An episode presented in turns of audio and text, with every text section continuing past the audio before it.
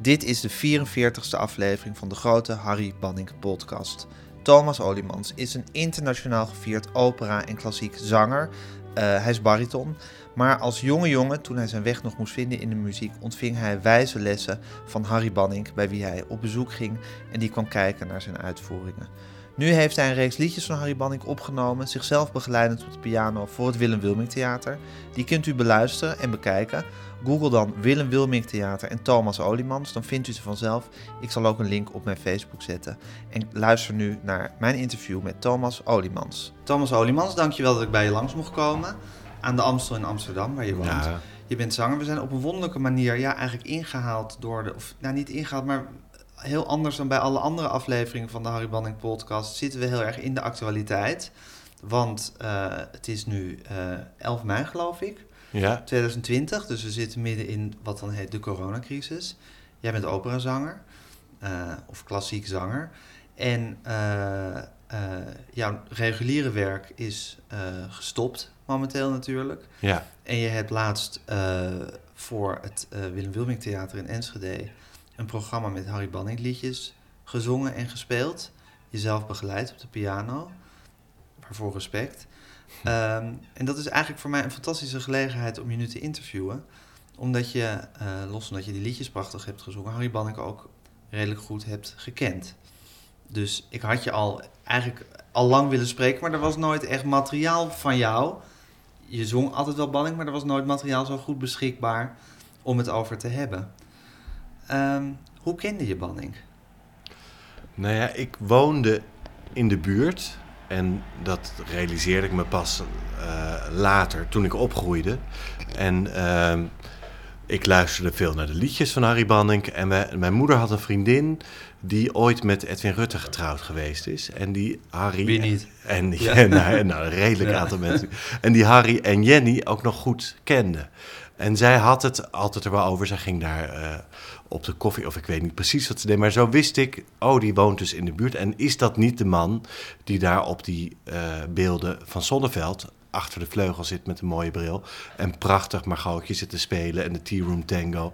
En die plaat van Ja, zuster, nee, zuster, daar staat zijn naam toch ook op. Dus dat was iets wat vaag ja. met, met een nabuurschap en, en prachtige muziek te maken leek te hebben. Ja.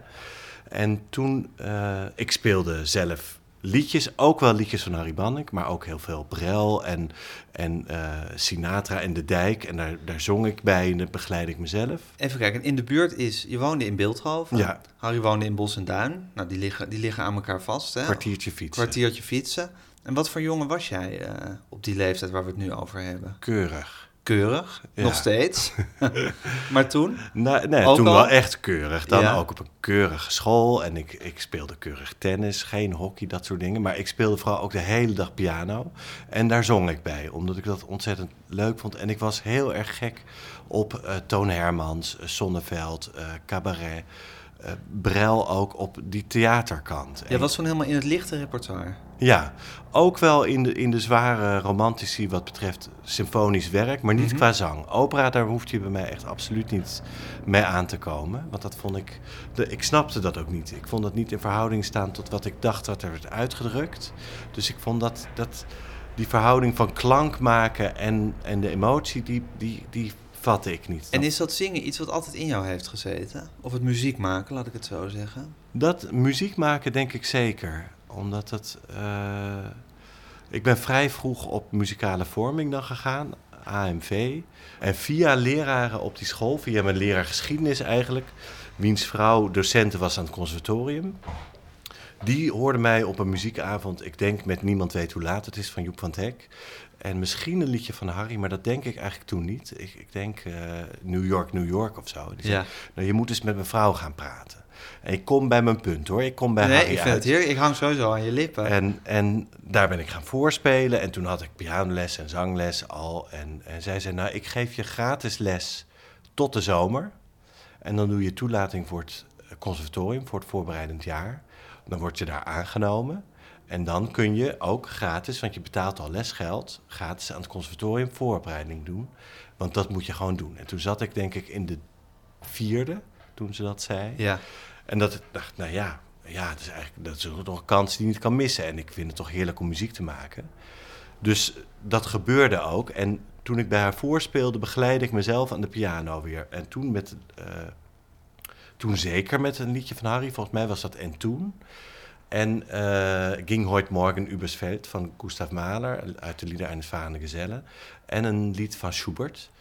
Dus zij dacht ook, bedenk ik me nu zeker met terugwerkende kracht, ja, wel- welke hoek, waar moet ik nou naartoe? Waar moeten we deze jongen hij plaatsen? speelt hier Mahler en Harry Banning en nog een liedje van de Dijk, ik volgens mij ook, Bloedend Hart. En zij stuurde me naar Bert van der Brink.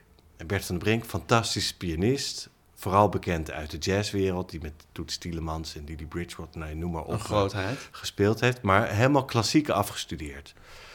En tot dan toe, ik was eh, nee, niet arrogant, denk ik, maar wel verwend in de zin dat als ik ergens eventjes ging spelen, dat iedereen zei, jeetje, goed en wat mooi. Dus dat begon ik natuurlijk ook leuk te vinden, dat mensen dat dan tegen me zeiden. En werd ze, nou ja, je, je speelt leuk piano. Eerste koude douche.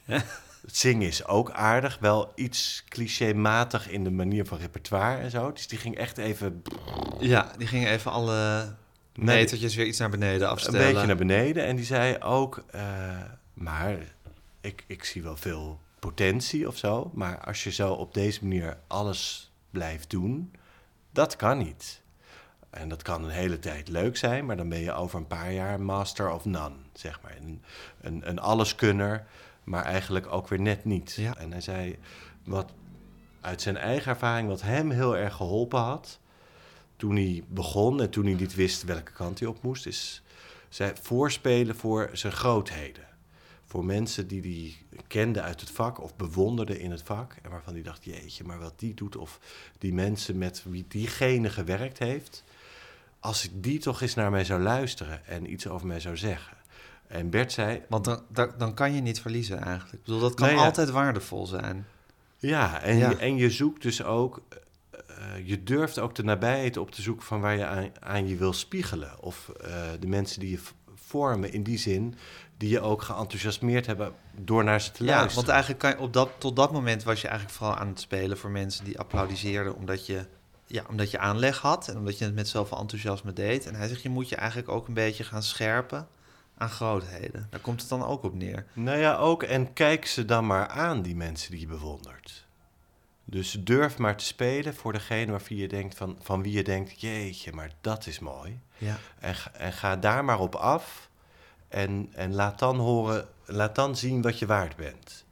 En wat zo iemand over je te zeggen heeft, kan ook heel teleurstellend zijn, maar ook heel eh, opbouwend en uitnodigend. En, en dat was het punt waarop ik dan ook natuurlijk ging nadenken: ja, bij wie ga ik dan überhaupt langs of zo? Wat, wat, eh, wat doe ik dan? En een aantal mensen is dat pas veel later gebeurd. Maar een van de mensen waar wie, van wie ik toen dacht: nou ja, hij woont ook nog in de buurt.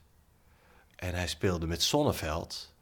En hij maakte al die liedjes die je kent van Frans Halsema, van Willem Nijholt, van Connie Stewart, Ja. eh, van Hetty Blok. Dat was Harry Banning. Ja. Want het volgens mij nog draaien aan de telefoon. Maar dan een aantal keer bij, voor de laatste twee cijfers... dan toch weer gestopt met draaien en opleggen. En nou ja, kom op naar wat een gezeur. En toen toch gebeld. En het was Banning. Eh, eh, eh, Stutter, stutter, stutter. En nu het telefoonboek. En Bert van der Brink. wat- Dat toch een naam. En mij aangeraden dat. En zus en zo. En mag ik niet een keer wat voor komen voorzingen? Toen was het antwoord... Ja, het is nu wat warm. Maar b- bel wat later, eh, misschien eind augustus of begin september, als het weer een beetje koeler wordt. Dus nou, dan moest ik dus nog een keer bellen. Maar toch gedaan. En toen mocht ik inderdaad langskomen en voorspelen. En, en we hadden een vleugel die een halve toon te laag gestemd stond, Jullie thuis? thuis. En ik zocht al die liedjes uit Op gehoor? op gehoor dan, zo goed als kwaad als het kin- ging. Ook vaak kwaad, want dat, daar kom ik dan zo wel op. Ja. Maar die stonden dus allemaal een halve toon in een verkeerde toonsoort. Dus op het moment dat ik dat ergens anders moest spelen, schoof dat voor mijn stem allemaal helemaal de verkeerde kant Ja. op. Dus ik kwam dan met mijn groot geschreven vellen aan daar bij, eh, bij meneer Banning. En ik had, ik weet niet, ik, ik zal wat bloemen hebben meegenomen, dat weet ik niet meer. En een kopje thee eerst in de tuin. En dan, nou ja, ja doe dan maar. En toen heb ik dus in, voor hem waarschijnlijk volstrekt onbegrijpelijk... Nee, dat, Herinner je, herinner je nog dat je daar binnen liep, Thomas? Ja, nou ja, dat, we- ik weet niet of ik me de eerste keer herinner. Maar ik kan me nog heel goed inderdaad het, bankstel gewoon herinneren. Of het smalle gangetje eerst. En dan rechtsaf en er stond een groot leren bankstel. En Ja. dan in de erker De prachtige Bechsteinvleugel. En, ehm, en vooral nu zit ik natuurlijk, probeer ik ook dingen terug te halen. En terug te... Vallen dingen op zijn plek waarvan je ook weer denkt van... jeetje, Mina, dat zat hij gewoon zelf te vertellen. En dat ging daar en daar over. Vertel nog even een beetje hoe dat ging die eerste keer ongeveer. Nee, ik had en toen, denk ik... Ja, ik had en toen mee eh, Nooit een Acht en Kees. En allemaal een halve toon te hoog opgeschreven. En ook wel met verkeerde akkoorden, want ik deed dat echt. Ik had nauwelijks les daarin gehad, dus echt op gehoor. En zo goed en zo kwaad als dat ging. En dat toen voorgespeeld. En eh, nou ja, mooi dit en dat. Ik zei, nee, kom dan over een tijdje nog maar een keer langs. Maar toen zei hij, ja, ja, je had dat toen gespeeld, maar kijk. En toen had hij hele grote hout, handgeschreven eh, in kopie. Uitgeschreven vellen van. En toen, Kees en Nooit een Acht Ja. In de goede toonsoort. Namelijk de toonsoort waarin eh, gewoon op een normale vleugel dat Ja. klinkt. Maar vooral ook met precies de goede harmonieën. Waar ik af en toe echt wel, ja, dan had De mist in was gegaan. Nou ja, dan een verkeerde basnoot of, of een, een niet te verminderd. Of wat je nog best wel vaak als je de liedjes van Harry hoort door mensen die het gewoon maar doen. Dat soort fouten ook jammer genoeg veel hoort langskomen. Want Ja. hij is zo precies en zo specifiek met, met welk nootje nou waar staat. En dat was zeker achteraf pedagogisch zo fantastisch. Want hij zei niet, nou die akkoorden klopten niet. Hij zei van, nou kijk, ik heb hier hoe ik het toen heb opgeschreven. Zie maar, want ik vind die plek, dat werkt eigenlijk toch best goed als dat dit akkoord is. Dit is, ja, zoals ik nu inmiddels vele uren over praat. Dit is nou typisch Bannik, hè? Om niet te zeggen dit is fout of dit klopt niet. Maar om een soort zijweg te nemen. En op heel charmante manier duidelijk te maken dat het eigenlijk anders moet. Ja, Ja. nou ja, en, en ook eh, dat, het ook het, dat er ook een reden is Ja. waarom het het betere alternatief is. En dat was nog het, het leerzaamste of zo. Want eh, daar, ja, op een gegeven moment hij kwam ook naar eh, concerten dan luisteren, want daar nodigde ik hem vanaf. Toen was de link gelegd. Dus als ik dan in de muziekschool een optreden georganiseerd had met een, een kwartet wat ik toen had, met drie strijkers en ik zelf op piano. En dan deden we heel veel Franse chansons, maar natuurlijk ook veel Banning. En eh, zo had ik op een gegeven moment echt, denk zeven arrangementen van Kees gemaakt. Want dan was ik gek van de Johannes Passion, wat ik dan op het conservatorium leerde kennen. Dus dan was de hele introductie van, van 60 maten als het openingskoor van de Johannes. En dan begon eigenlijk eindelijk verdomme Kees. En toen had ik het Ravel kwartet ontdekt. Dus had ik weer een heel nieuw arrangement gemaakt, wat dan weer begon met een soort inleiding alsof het Ravel was. Je was ook wel een schat, hè, Thomas? Nou ja, dat maar dat ik allemaal vond zat te doen. voor- Ik was er gewoon gek op om Ja. dat te kunnen doen. Ik had vrienden gevonden die dat wil, met mij wilden spelen. Ja. Die dat eh, op het conservatorium dan al. En eh, dus ja, nou ja, hup. Leefde jij in de muziek? Ja. Maar ja, nog, Nog steeds? nog steeds maar toen ook al? Ja, en dat, dat realiseer ik me nu. Want ik kwam laatst ook hier een beetje hiervoor. Dacht ik, waar heb ik nou die partituren dan liggen? Want dat moet ik toch allemaal opgeschreven hebben. Nou ja, een heel koffertje vol dan inderdaad al die case dingen. Ja. Dat ik denk, al die nootjes, waar heb ik dat zitten, zitten friemelen en doen? Ja. En dat kan me herinneren, toen was hij geweest samen met Jenny naar een van die concerten waar we dan ook onder andere versie 8 of 9 van Kees speelden. Vreselijk druk arrangement waarschijnlijk. En toen kwam ik dan een keer daarna, dan wilde ik dan langs om weer te vragen, hoe, wat, ja, wat, Wat vond u er nou van? Fouvailleerde je? Ja, ja, Ja, ja. ja, ja. Ja. Nee, zeker. Ja. Dat staat helemaal buiten kijf. Ja. En eh, dan vertelde, en dan had hij ook, volgens mij had hij toen het argument tevoorschijn gehaald van Burt Page van Tis Over. En zei, ja, nou mooi gedaan. En ik had ook een arrangement van de Zwervers, ook heel druk, op één plek na, eh, waar ik de, de, de strijkers dan allemaal in pizzicato liet spelen. Dus je, je kreeg je plum, plum, plum, plum, plum, waardoor het een helemaal, het arrangement één keer helemaal open ging. En zei ja, dat was, een, dat was zo'n plek waar ik opeens even rechtop ging zitten. Dus hij zei ook niet, van daarvoor was het eigenlijk heel erg druk. Maar hij zei, dat was een plek waar ik opeens rechtop... En in Kees had ik toen ook weer andere akkoorden gedaan. Toen zei hij, nou ja, ja dat kan wel, maar... je kunt je ook afvragen of dat dan nodig was. En toen haalde hij dus grote... Ja, dat waren echt die grote vellen. Want je had toen nog niet Sibelius, wat zo'n notenschrijfprogramma is. Maar Burt Page, Ja. eh, die voor het Metropoolorkest... en heel veel Groot dingen... arrangeur. Groot, fantastisch Ja. arrangeur. Allemaal natuurlijk gewoon handwerk nog. En Rogier van Otterlo die tijd, natuurlijk. En hij haalde dat tevoorschijn en zei... ja, Burt Page heeft natuurlijk ook heel veel voor mij gearrangeerd. Of niet voor mij, maar van mijn Ja. liedjes dan. En zo'n eer. En zei, kijk nou, dat vind ik altijd zo prachtig. En hij sloeg dat blader dan met mij open. En dan zei hij, kijk nou, die prachtige grote lege vellen. Dus met andere woorden, je hebt het hele Metropoolorkest... met de blazers, de strijkers, de, het ritmesectie, piano... alle middelen tot je beschikking... en je gebruikt ze niet. En je gebruikt ze op twee punten... Ja. Misschien voor een, een één hoogtepunt en dan laat je ze weer verdwijnen. En voor de rest kies je precies wat je nodig hebt. En dat was dus niet, je arrangement is veel te druk. Of waarom Nee. zit ik eerst naar 60 maten nepbach te luisteren voordat mijn liedje begint. Nee, dat was, jeetje, kijk, die lucht en dan spreekt die melodie voor zichzelf. En je kunt, En je vertelt het verhaal. En daar ging het band Nou ja, natuurlijk en- altijd om. precies, en Ja. je kunt zien wat je hoort. Namelijk, je hoeft dus een, een, een bladzij niet vol te schrijven. Je hoeft een klank of een harmonie niet dicht te smeren met geluidjes, met nootjes. En dat kun je dus ook zien op het moment dat je die partituur Ja. ziet. Ik word helemaal wee bij de gedachte, Thomas, dat jij naast Harry Banning hebt gezeten. Het arrangement van Burt Page. Van het is over, heb zitten doornemen. Ja, Ja. ik ben gewoon een soort Ja, maar ik had ja, jaloers en ik- starstruck in één. Ja, maar ik zou nu... En je bent drie jaar jonger dan ik. Dus Ik- ik, bedoel, Nou ja, maar ik zou het nu willen kunnen... Ik probeer dat dan terug te halen. Want je realiseert je... Ik realiseer nu pas hoe bijzonder dat dan is. Dat ik denk, jeetje, die vellen inderdaad. En dan... En, nou ja, en die man. Ja, Ja, en dat hij dan vertelt, ja, dan vroeger dan op tournee met Wim. En dan zat ik te Wim, Wim, Wim, Wim, Wim. Nee, ja, hij bedoelt natuurlijk gewoon Zonneveld. ja. En dan deed hij wel dit, ja, en soms had hij niet zo'n zin. En dan had hij kennelijk, ik weet het niet meer zeker, maar volgens mij was de uitdrukking... Dan draaide hij zich naar het eerste nummer om en zei hij BBB. En dat was het Boerenburgers Buitenlui. Dat was dan een teken dat het, het combo alles een halfje tandje zo snel moest spelen. Zodat die avond maar snel Ja. voorbij was, dat hij weer de bus in kon. Ja, Maar, en dat soort kleine flarders van anekdotes. Ja. En over Annie natuurlijk. Dat je denkt, ja, zou die nou echt... Ja, hij bedoelt natuurlijk echt Annie. ja. En Willem was dan niet Wim, maar was dan een Nijholt. En ja, En was, voelde je, nou ja, eigenlijk in de eenvoudige dingen die hij tegen je zei, voelde je natuurlijk zijn, zijn talent al zitten. Ik bedoel, het zijn natuurlijk hele eh, rake aanwijzingen die hij je heeft gegeven ja. over de lege vellen.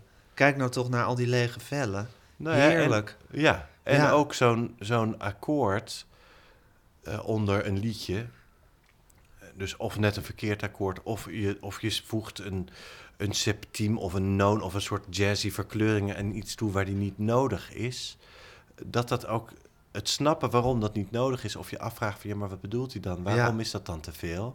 Dat is ook zo leerzaam. Ja. Want je kunt ook heel snel verleid worden tot het zingen vanuit het gemak van je klank. Of het spelen, piano spelen of wat voor instrument dan ook. Vanuit het gemak van je techniek. Of dat je denkt, ja, dit klinkt ook lekker. Ik leg er nog net een ander nootje in.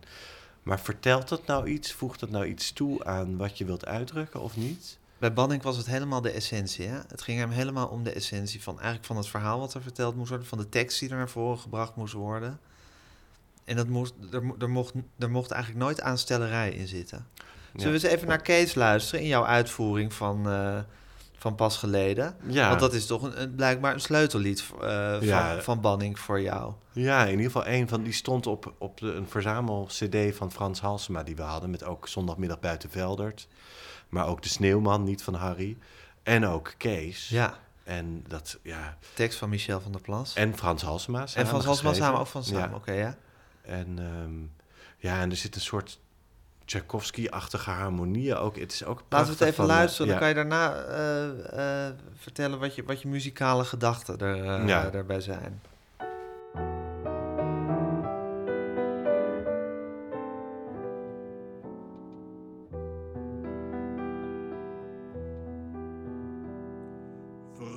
Kees, alweer een jaar vandaag. dat jij begraven bent. Gek toch hoe vlug dat went. Want God, je weet, ik mocht je erg graag. Ik wist wat ik aan je had. Nou ja, hoe noem je dat? Behalve dus dat ik je een beetje mis. Nou ja, op mijn manier is alles eender hier. Denk niet, Kees, dat er veel veranderd is. Hoogstens een kleinigheid in nauwelijks één jaar tijd. Er is nog altijd sterreclame en bij de politieke namen is er één nieuwe Drees. En er zijn intercity-treinen en jij hebt andere gordijnen gekregen naar ik vrees, Kees.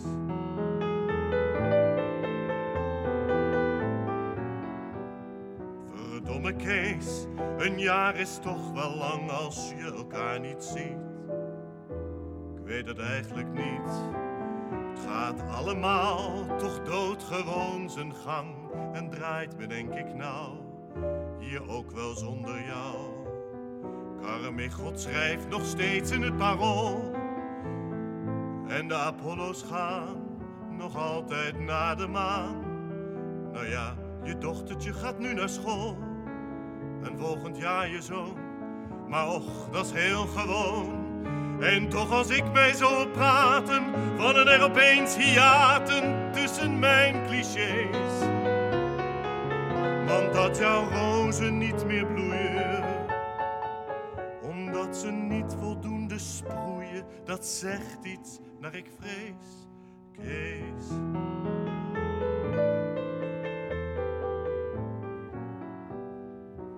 Verdomme Kees, ik weet het nou niet meer, ik denk steeds aan wat je zei. Het gaat allemaal voorbij. En dat de tijd van leven telkens weer gewoon opnieuw begon. Niks nieuws onder de zon. Maar dat is niet waar, want jij was enkel jij. Jij hebt hier rondgedwaald en dat wordt nooit herhaald. Als ik jouw huis zie, dan hoor jij daarbij. En naast zo'n kinderfiets mis ik toch ook wel iets. Maar verder valt hier niets te melden. Er drijft nog olie op de Schelde. Er zijn nog steeds cafés. En verder hoorde ik zo even. Hier naast het lied lang zal ze leven. Geweldig naar ik vrees. Kees.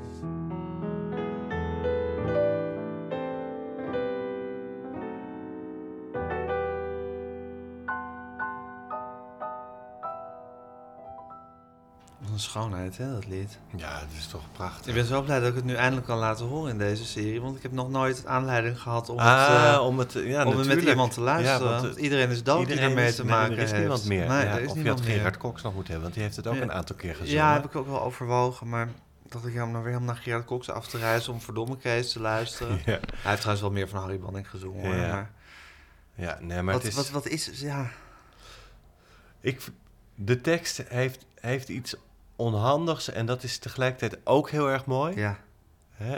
Omdat het zo knap in het, in het alledaagse, of in gewoon die... nee, het is gewoon een opsomming ja. van gewoon de dingen die gewoon doorgaan. En, en, en wat Harry dan met die muziek doet, is dat je... Nou, in E klein, dus niet in F klein wat ik altijd deed, maar in E klein zet hij het, zet hij het couplet zeg maar neer met een heel mooie eh, harmonisatie sowieso. En zo'n heel nostalgische melodie met, met sexten dan. Zo'n invulling van een akkoord. En dan gaat hij eigenlijk voor het dramatische moment waarop de zanger of de dichter ook zegt van het, het valt allemaal wel mee. En het meest lyrisch uitpakt, gaat hij van minor juist naar majeur. Waardoor je dat hele bevestigen van het gaat eigenlijk allemaal wel. Het is eigenlijk het glimlachen door de pijn heen bijna, ook muzikaal. Een heel normale sequence, hè, dat is een soort harmonische voortgang. En in majeur, dus in een opgewekte toon, zoals je zegt, het gaat goed met me. En juist doordat die glimlach in die muziek zit, voel je hoeveel pijn dat doet. Ja. Verder valt hier niets te melden, er drijft nog olie op de Schelde. Of maar naast zo'n kinderfiets mis ik toch ook wel iets. Die dingen die allemaal naar het positieve, naar het zonlicht toedraaien eigenlijk, qua klank. En dat is zo'n goede fonds. Een, een, mindere componist had het misschien er nog meer mineur ingeramd van en er een drama van gemaakt. En dat is juist het moment waarop hij dat ja, tegenkleurt, tegenstuurt, muzikaal gezien. Dat is ook wel heel typisch Banning, hè? Om altijd, om altijd net de, de tekst een soort twist te geven in de muziek. Ja. Om nooit braaf mee te gaan met wat er van hem verwacht wordt. Nee, maar... en, en ik denk dat dat ook een kenmerk is van een groot componist, dat je een, een, of een groot kunstenaar überhaupt, dat die niet ook nog eens inkleurt wat er al is. dus die een tegenkleur, die een, die een rijke schakering kan laten zien van wat er wordt uitgedrukt. Eh, het verschil tussen kunst en kitsch. Wat is kitsch? Kitsch is wat we al, dat we zien wat we al voelen.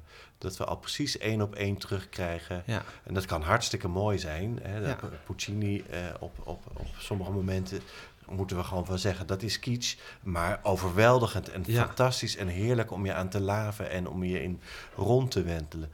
En kunst speelt met, met altijd de tegenkleur. En een Mozart die in, in zijn donkerste concerten opeens een jolig fagotlijntje laat spelen in majeur, waardoor je nog een soort rare glimlach hebt. En zoals je ook op een, op een begrafenis soms er iets kan gebeuren waardoor je in de lach schiet.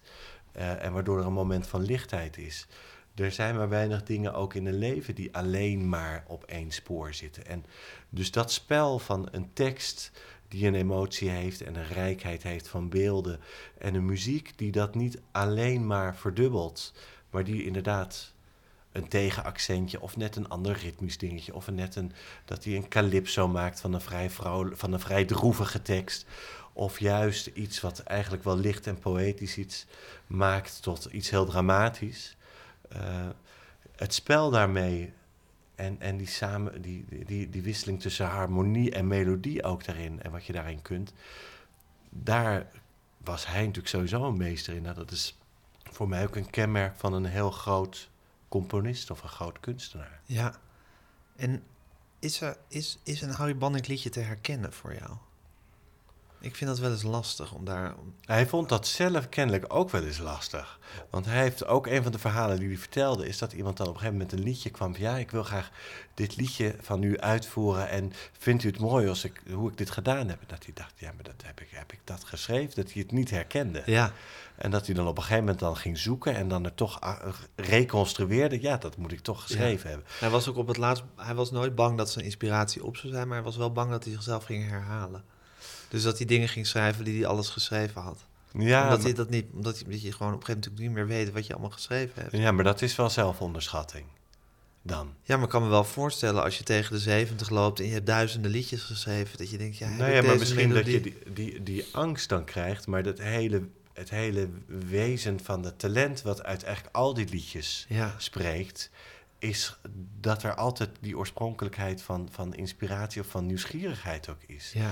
En hij was natuurlijk een ontzettende lezer die die teksten kreeg van dan wat schrijverscollectief of, of, de vorm waarin hij dan werkt of dan van Aniem G. Schmid.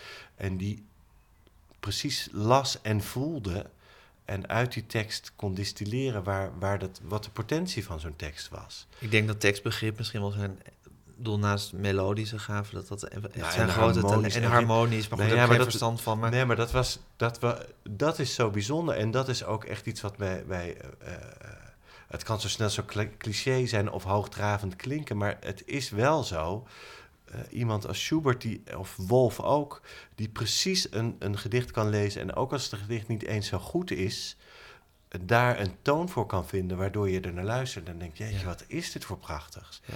En dat is iets wat met de eigen liedjes van Harry denk ik weet niet of ik het ze altijd zou herkennen, maar als je iets fantastisch hoort en je realiseert je dan, dat was weer Harry, dan verbaast het je niet. Nee. Nee, het is sowieso altijd, het gaat er altijd in als koek bijna. Ja. Nou ja, en ook... Je hebt nooit, je hebt nooit het gevoel, wat, is hier, wat, heeft, wat hebben ze hier zitten ploeteren... of wat hebben ze zitten wringen om het allemaal goed te krijgen. Nee, en er zit ook altijd een wending in waar je op, opeens weer uh, van denkt... jeetje, wat, waar, waar komt dit uit? Welke hoge hoed komt dit nou weer? En nooit geforceerd, maar net een, een twist of een... een, een uh, ja, een frasering in, in een liedje of een net een andere harmonie. Het, hè, ook, ook in van de liedjes het allermooiste schilderij. Wat ik door jou heb leren kennen ja, trouwens. een absolute lieveling van mij. Ja, Ja. Tekst van Ted van Lieshout. en dat wilde ik, wilde ik uitzoeken ook. En toen dacht ik, nee, ik schrijf, het eens, ik schrijf het weer eens op. Wat ik vroeger ook altijd niet alleen heb gehoord. En ik probeer dat op te schrijven en het lukt me gewoon niet. Want ik denk, nou oké, ik luister eerste maat, vierkwartsmaat. Ja. Tweede maat, ja, vierkwartsmaat. En nu, hè? Hardop meetellen, tikken, gummen. Nog een keer kijken. Oh nee, dus nou een driekwartsmaat. Nu weer een tweekwartsmaat. En nu, oké, we zitten dus een F groot. Nee, dit akkoord klopt dan niet. Ja. Hoe gaat die melodie? En dat terwijl je er naar luistert, denkt jeetje, wat prachtig. En wat gebeurt er? En het verschuift. En je kunt het volstrekt natuurlijk. En dan probeer je het inderdaad op te schrijven. Dan denk je, het is zo ontzettend geraffineerd en zo natuurlijk. Het klinkt als een liedje wat niet anders had kunnen zijn. En ondertussen blijkt er een, een vrij complex bouwwerk achter te Ja. zitten. Ja, Ja. Zat dat nou, want eh, Banning zei altijd, of heeft wel gezegd dat hij eigenlijk als hij een tekst las, dat het, dat het liedje er al was. Dat, het, dat de tekst ook eigenlijk de melodie voor hem dicteerde. Dat is natuurlijk omdat hij die waanzinnige hersens had waarin dat... nou ja, en een Gebeurde. enorm hoofd vol met muziek, harmonie Ja. en klank, kennelijk. Ja, Waardoor je dus iets ziet en weet wat de potentie eruit is. En dus niet dan hoeft te zoeken. En, en ik kan me herinneren dat hij vertelde over accordeon. Eh, hij had zijn huiswerk goed gedaan. En toch kreeg hij een twee tekst van Willem Wilming. ja. Dat kwam dan op. Precies, en dat kwam op zijn bureau in de tijd dat de lambada... ja die, hoor je er, die hoor je er ook in de lambada. Nou ja, dus hij dacht, dat moet een accordeon, dat Ja. moet een lambada zijn. En dat kennelijk Willem Wilming daar niet zo van gecharmeerd... Die vond dat eigenlijk dan te jolig en te modern. En die had dat als een heel serieus Ja, hè, eh, lied. En tragisch, want die man die komt dan bij de, bij de hemelpoort... Ja. en dan mag hij naar binnen, maar dan mag hij, mag hij zijn Accordeon niet mee naar binnen Ja. Die man, en dat was eigenlijk een soort tragische ode in de, in de oren van Willem Wilming. Ja. En Harry maakte daar dan een lambada van. ja. Maar die, dat kende hij dus ook. En hij kon het meteen ook opschrijven. ja, en meteen het, het gebruiken zonder het te kopiëren, maar er aan, heel, Nee, hij heel geraffineerd meteen- aan te, raffine- Ja. eh, te refereren. Ja. Ja, en hij was gek op eh, eh, modieuze liedjes uit de hitparade gewoon gebruiken. Omdat, Nou omdat ja, of, of de Popocatépetl. Ja. Dus dan heb je opeens onvervalste mariachi-muziek. Ja. Hè? Popocatépetl, Popocatépetl, poho, Popocatépetl. En dat ook precies die onregelmatigheid van maatwisselingen. En dat hele combootje zit er dan ook te spelen... alsof Ja. ze nooit anders dan in El Paso gespeeld hebben. ja, het klinkt altijd meteen authentiek ook. Ja. Hè? Maar er werd natuurlijk ook heel veel, zeker ja, zuster, nee, zuster, daar werd echt gerepeteerd. Dus dat was niet alleen maar, dat werd op maandag met het trio, eh, wat ik begreep, werd daar echt wel aan gewerkt dan. Volgens mij viel dat wel wat- mee hoor. Ja, nou dat was die wat, wat ik er... Wat ik van Chris Dekker, de drummer, eh, begreep. Nee, ja, maar niet, dat is niet ja, zuster, nee, zuster, toch? Deed hij Zeker. dat? Ah, ja, ja, ja. ja, dat was gewoon eh, s ochtends eh, aankomen. En dan spelen en dan stond Door één keertje Nou, is doorspelen, helemaal dan erop. ongelooflijk. Nou, Ja. Of dan was het met de... Want had- ik had mee moeten herinneren dat hij vertelde... dat hij met de zangers dat dan waarschijnlijk... ja, de zangers was natuurlijk altijd ingewikkeld. Want dat waren natuurlijk meestal geen doorgewinterde muzici, Ja, ja. die zangers. Dat waren natuurlijk acteurs die best een aardig potje konden zingen. Ja, Maar die niet meteen, die inderdaad wat je zegt, toch op het, op het oog simpele, maar daaronder vrij nou ja, complex. ga er maar aan zijn. Dat is Precies. echt niet makkelijk. Ja, Ja. dus dat was voor, voor de zangers. En dan stond hij, maar dan stond hij ook vaak bij het opnemen natuurlijk echt pal naast ze om de inzetten, Ja, om de inzetten aan te geven. Dus hij, hij, hij sleurde ze door dat liedje heen. ja. Hij wilde natuurlijk niet dat er te veel takes werden opgenomen. Want dan werd Want het dan wordt het weer gedaan. Ja, dan werd, het, dan werd het zingen, zoals hij dat noemde. Het was verboden te zingen in, zijn, eh, in zijn universum. Eh, dus die, die, die zangers die behoefden, die behoefden meer zorg dan de... Dan, Dan had, komen, had ook altijd van die doorgewinterde muzici. Die Nou ja, Jan Blok op gitaar. Jan. Blok gitaar, Chris Dekker eh, op drums, bas. Weet ik heel goed, maar ik kan nu niet op zijn naam komen. Was ook een beroemd eh, muzikant. En natuurlijk de, de onvervangbare Harry Mann. Ja. Ja, op Ja. accordeon. Ja. Ja. Laten we even dat allermooiste schilderij doen. Ja. Dat is dus een relatief nieuw liedje. Ik denk dat dat... Nou, dat was, is, het moet uit de tijd zijn dat jij, hem ook, dat jij ook naast hem... eh, Ja, de- dat, dat heb ik toen niet leren kennen. Nee, dat snap ik, maar Ja. dat was natuurlijk met al die klokhuisliedjes. Dat ging Dat gewoon... ging ook achter elkaar door. Dat ging Ja. achter elkaar door. En eh, dat, daar werd verder ook niet zoveel van varen over gemaakt... als er Nee, een en nieuw toen- klokhuisliedje was. Als ik me nu, zou eh, nu dan realiseer van toen... Ik was toen ook uit de klokhuistijd of zo. Want ik zat als 15, 16-jarige of 17 Ja. jaar... ging ik niet dan thuis nog klokhuis zitten kijken. Nee, natuurlijk niet. ook niet om dan maar tegen een Harry liedje op te, lo- te lopen. Wat ik, ja... Met terugwerkende kracht denk je waarom eigenlijk niet. Nee, Maar ja, precies. Maar ja, daar ben je nog niet mee bezig. Nee, en het werd ook zo, die liedjes werden zonder enig aplomb aangekondigd. Ja. Ik bedoel, het was niet zo van, oh jongens, vanavond is er een nieuw Harry Banning liedje op Nee. tv. Het was gewoon in, Ja. ja, in- En dan komt er zoiets langs als de allermooiste schilderij. ja, dat werd, dat werd live door Edwin Rutte gezongen, begeleid door Dick van der Stoep. Maar hier zing jij het, jezelf begeleidend. En dat, dat is dus, kan- misschien kan je op sommige punten aangeven wanneer het, eh, wanneer het bedriegelijk is. Ja.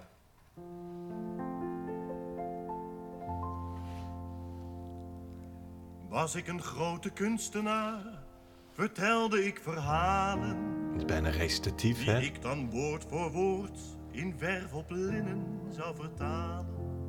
En eigenlijk hier al. Op een kostbaar schilderij vertellen alle kleuren mij wie of ze samen zijn. Want hier maar verandert die, die harmonie eigenlijk sneller dan je...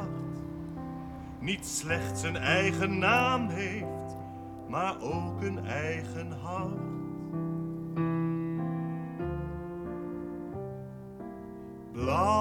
En nu zit, lijkt het weer een heel andere stijl. Terwijl het het ook niet is, want het is volstrekt logisch. Maar we komen van zo'n soort en improviseren, recitatief in klassieke zang. En nu is gewoon... Dat ik het allerliefste vind.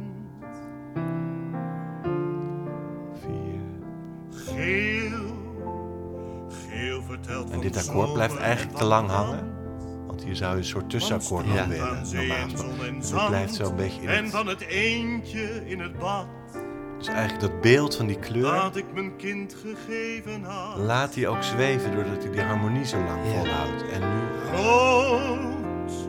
Rood vertelt van liefde en van bloed. Wordt het een beetje lyrisch? Ja, Van laaiend vuur en avondgloed. Rood. En van de haren de van het hoogste noot van het stuk. En dan mooi die Dat harmonie. ik het allermooiste Bitterzoete harmonie. Groen. En weer heel fris terug naar F. Vertelt van weide en Groen. van gras. Ja, Ja. Van bladerbos en kroonselplas. En van het jurkje dat je droeg. Toen ik je om een kusje vroeg. Nu komt iets heel Ik ben melancholisch. Ja. geen grote kunstenaar. Ik ben alleen maar. en nu heeft hij voor het eerst eigenlijk het normale harmonische ritme. En daardoor bouwt het opeens veel sterker op dan hiervoor. Als ik het. blader, het allermooiste schilderij, het allermooiste schilderij van ons, Ja. van je moeder en van mij,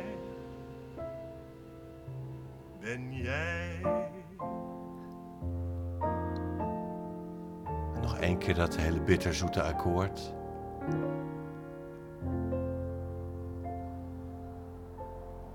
Wat een schoonheid, hè? Nee, die, wat in die tekst zo prachtig zit in het gedicht, is het oproepen van zo'n woord, dus blauw. Blauw vertelt van hemel en van lucht. Dus het, hè, als je het zegt, heb je ook een soort luchtledige. En dat doet hij dus met de harmonie. Dan kiest hij één harmonie, die laat hij eigenlijk te lang doorgaan. En de, de melodie die dus een beetje zoekt en dan het volgende akkoord. Dus dat is volstrekt logisch als je denkt, ja, waarom zou je het ook anders doen? Maar om dat dan precies net zo te vangen, ja, dat is gewoon. eh, daar, raak je raak je dan precies aan de kern van het gedicht ook. En je hoort dan dus ook wat je je voorstelt. Je hoort het nadenken. En je hoort op het moment dat die emotie groter wordt in het lied, wordt het, de snelheid van de harmonie ook groter. Dus dan krijg je een soort verdichting, alsof je je handen dicht Ja, dat valt me nu je- eigenlijk pas op. Ik heb het liedje vaak gehoord, want Frank Groothoff zingt het ook in de voorstelling Ah, ja. die- we spelen. Maar ik eh, hoor nu inderdaad ook dat hij eigenlijk per kleur ook een ander, ander sentiment in het, eh, Ja. in het liedje stopt. Bij rood wordt het heel lyrisch. En, Ja, en dan je gaat zei, hij- bij groen wordt het, zei je zelf, het wordt fris. Ja, dan keert hij ook weer Ja. terug naar, naar, ook weer terug naar de uitgangstoonsoort. Om dat laatste beeld te doen. En dan de laatste overpeinzing zit ook in, in, in de grondtoonsoort, zeg maar. Maar die bouwt nog één keer harmonisch op. En dan wel per maat. Dus eigenlijk wat hij steeds laat hij ons allemaal wachten. Hè, dan blauw is dit en dit en dit. Dus we wachten op wat is het nou. En dan pas een nieuwe harmonie. En dan zegt hij, ik ben geen groot kunstenaar. En kunsten maken kan ik niet. Maar zie toch, hè, ik, ben alleen maar vader. Dus als, dan begint hij echt te ver- zijn gevoelens te vertellen. Ja. of te bezingen. Ja. En dan komen ook die harmonieën los. Dan komen Ja. die gevoelens los en die harmonieën los. Wat is het ongelooflijk geraffineerd, hè? Ja. Nee, maar daar moet je dus zo'n grote harmonische kennis voor hebben. En dan misschien ook wel echt zitten puzzelen. Van nou laat ik dit net een tweekwart en dit een vierkwart.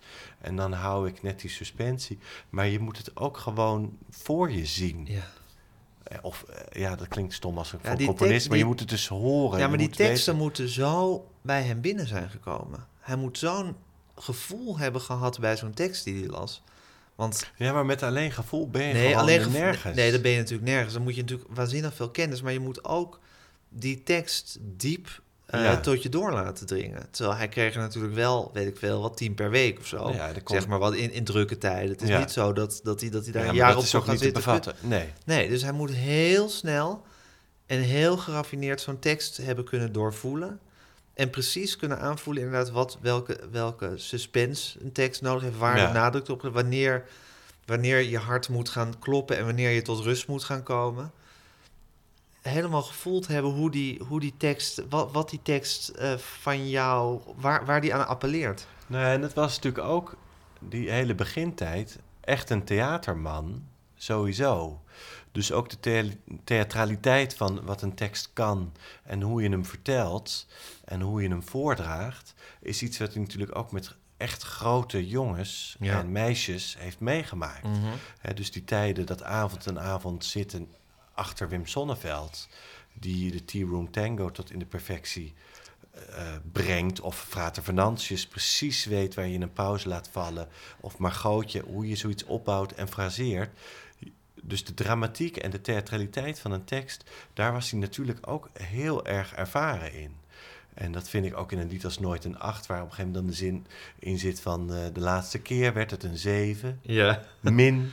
Dat precies daar een rust schrijft. Dat als je dat zingt zonder grappige bijbedoeling, maar precies zoals het er staat, dan heb je een lach. Ja.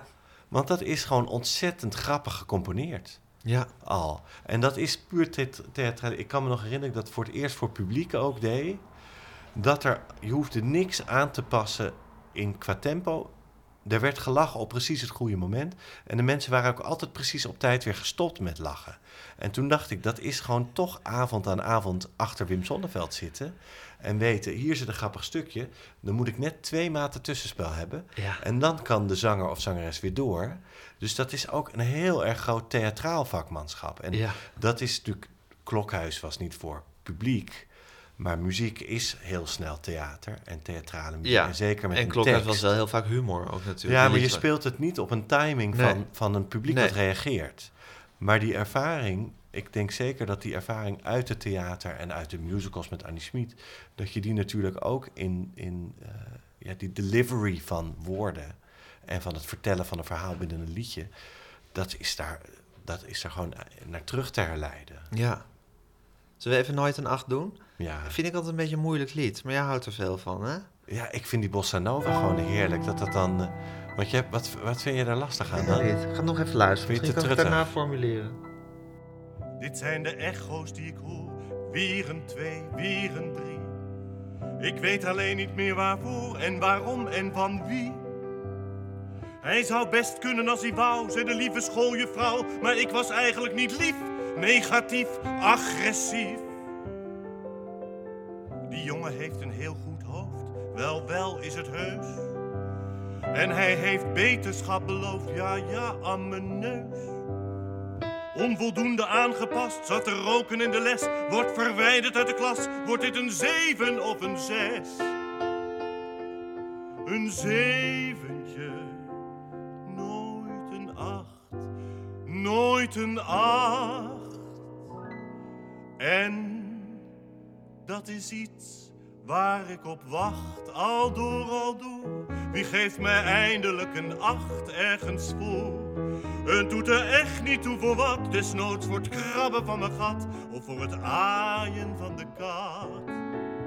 Ik denk maar nooit over een tien eventueel. En ook een negen is misschien nog iets te veel. Zover heb ik het nooit gebracht en daarom heb ik vaak gedacht: wie geeft mij eindelijk een acht? Er werd ontzettend veel gezegd tegen mij overal. En daardoor kwam ik ook terecht tussen schip en wal. Slaap met je handjes boven dek. Ja, zuster Clementine, anders word je later Dit is ook zo'n typisch loop dat die baslijn zo langzaam naar beneden gaat en Oh je ja? kunt opzommen. Dus er zeiden ook, ja, daar heb ik me wel vaak aan bezoldigd. Was het rapport niet al te best op het randje van de biel? Onvoldoende aangepast, altijd weer zijn kans verbeurd. Eén ding stond tenminste vast, ik werd voor dienst niet Dat afgekeurd. het, als je dan een lange lap tekst had, Ja, met dan veel kon je opzet, zo ging je even die bas naar beneden laten lopen, zodat even met die... hetzelfde akkoord Ja. en dan... maar ik kreeg hem niet. En dat is iets waar ik op wacht, al door, al door. Wie geeft mij eindelijk een acht ergens voor? Desnoods voor zingen in het bad, of voor het slenteren door de stad, of onaneren op het blad. De Hele aula aan een een Onaneren op het. Precies. Ja. Ja. maar die wist niet wat het betekent. Dat was in bed om half twee s'nachts bij een vriendin. Het was zo stil daar op die gracht. Ik lag te denken in de nacht. Ook deze keer werd het geen acht.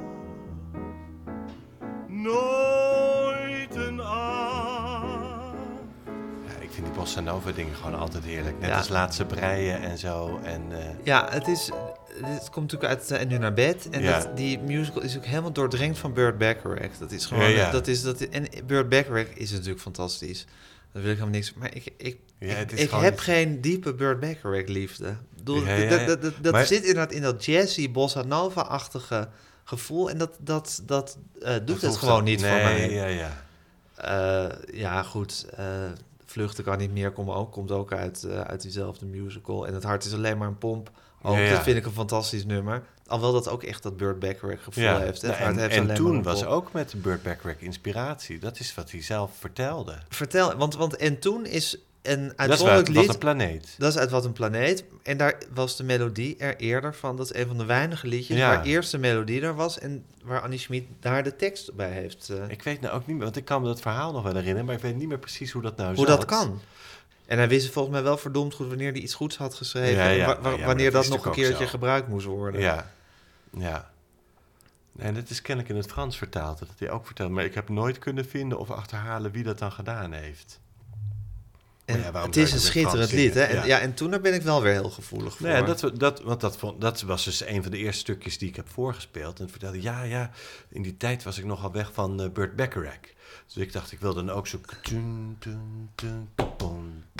Ja, er zit iets in die timing, hè, van Burt Bacharach, ja. Precies, gewoon zo'n zo'n jazzwalsje wat je heel rustig... kts. En toen dan zo'n lange lijn eroverheen.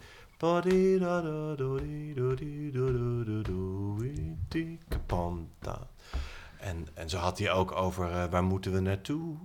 We hebben hier zo'n fijne tijd gehad. Ja. Ja. ja, dat was die tijd van Ramses. Die speelde altijd die prachtige non-akkoorden. Dus we moeten slapen onder bruggen. Woe. Zei, ik wilde ook wel eens een beetje zoiets schrijven zoals eh, Ramses deed. En toen dacht ik, hè? Hij zit gewoon, ja. Ja, maar dat deed gewoon- hij dus. Ja, Net zoals met dus- die lambada. Hij, Ja. hoor, hij hoorde dingen. En ik dacht, hè, dat klinkt lekker of dat Ja, klinkt goed. en dan ik zelf hij- even zo En het is schrijven? dat hij zoveel liedjes moest schrijven die ook altijd heel erg in die tijd pasten. Met zo'n musical of met een tv-programma. Dat het ook leuk was om een beetje te maar- citeren of te parafraseren. Precies, maar ook, ik denk vooral uit eigen lol. Want Ja, het is nergens van, kijk mij nou eens Nee. van, ik ben zo modern gebleven, want ik doe de lambada wel. Nee. Nee, Nee. het is bijna... Je moet, je moet echt opletten om het te horen. En als je het hoort, dan hoor je het ineens. Ja. Ja. Ja. Ja, maar dat was inderdaad... Hij was gewoon lol aan het maken ook, hè? Nou ja, en hij hield dus ontzettend veel van muziek. Ja. Dus echt een spons. En, en eh, Maar hoe ging dat dan, Tom? Want dan zat je dus bij hem aan die, aan die piano... En dan, mocht, je- dan ging je iets nee, voor eerst op de bank dan. Eerst op de bank, even kletsen. Ja, of, of aan tafel met dan, ik nam dan gevulde koek mee van Top, Dat is de bakker. de bakker. Ja. En die ging dan in vieren op een schoteltje. Want ik nam dan drie koeken mee, denk ik. Ik denk, we hebben allemaal één koek. Maar dat ging dan niet. Ging dan altijd met één kwartje uiteindelijk. Ja. Ja. En eh, dus die, de, precies, dan kwam er met de drie koeken. De, de eerste keer, nou, op, een gegeven moment wist ik het, maar ik dacht, ik kan dan niet nu maar met één koek aankomen. Ik moet natuurlijk wel met die drie koeken blijven komen. Oh ja, maar er werd één koek in vierde, want Ja. maat, dat is natuurlijk een matig mens ook. Nou ja, dat uiteindelijk weet ik dat. Nou, dat weet ik dus. Maar ja, het is ook onzin om natuurlijk eigenlijk om zo'n hele koek maar de benen Ja, misschien te. ja en Harry Banning is volgens mij... eh, Volgens mij heeft niemand hem ooit op een uitspatting kunnen betrappen. Ja, weet ik ook niet. Nee, weet ik ook niet. Nee. Maar ik heb het niet Nee, gehoord ik- in al die uren die ik over hem gepraat Nee, heb. Ja, Ja, ja. Nou ja, maar dan in de noten in ieder geval. Want dat is natuurlijk, dat zijn dingen die echt eh, ontzettend wild en eh, niks aan de hand, foxtrot. En ja nee. bedoel, daar, dat is van een eh, uitbundigheid en een ja, creativiteit. de laatste dans. Ja, De laatste dans uit Foxtrot. Ja. Hoe heftig dat is. Ja, maar dat is, dat, dat is natuurlijk wat, wat ik zo woest fascinerend aan Harry Banning vind. En ook waarom ik dan weer met open mond zit te luisteren... als ik bedenk dat jij daar gewoon naast hem hebt gezeten... is hoe dat, dat, dat hele briljante kunstenaarschap... zich helemaal via de muziek geuit heeft. En dat hij, daar, dat hij verder dat kunstenaarschap... Hij heeft natuurlijk een fantastisch leven geleid... maar niet met uitspattingen, met, met wilde dingen, met gekke buien, met writersblocks, met toestanden. Het is gewoon een, een, een heel toegewijd, matig leven geweest. Dus eh, zonder, zonder excessen.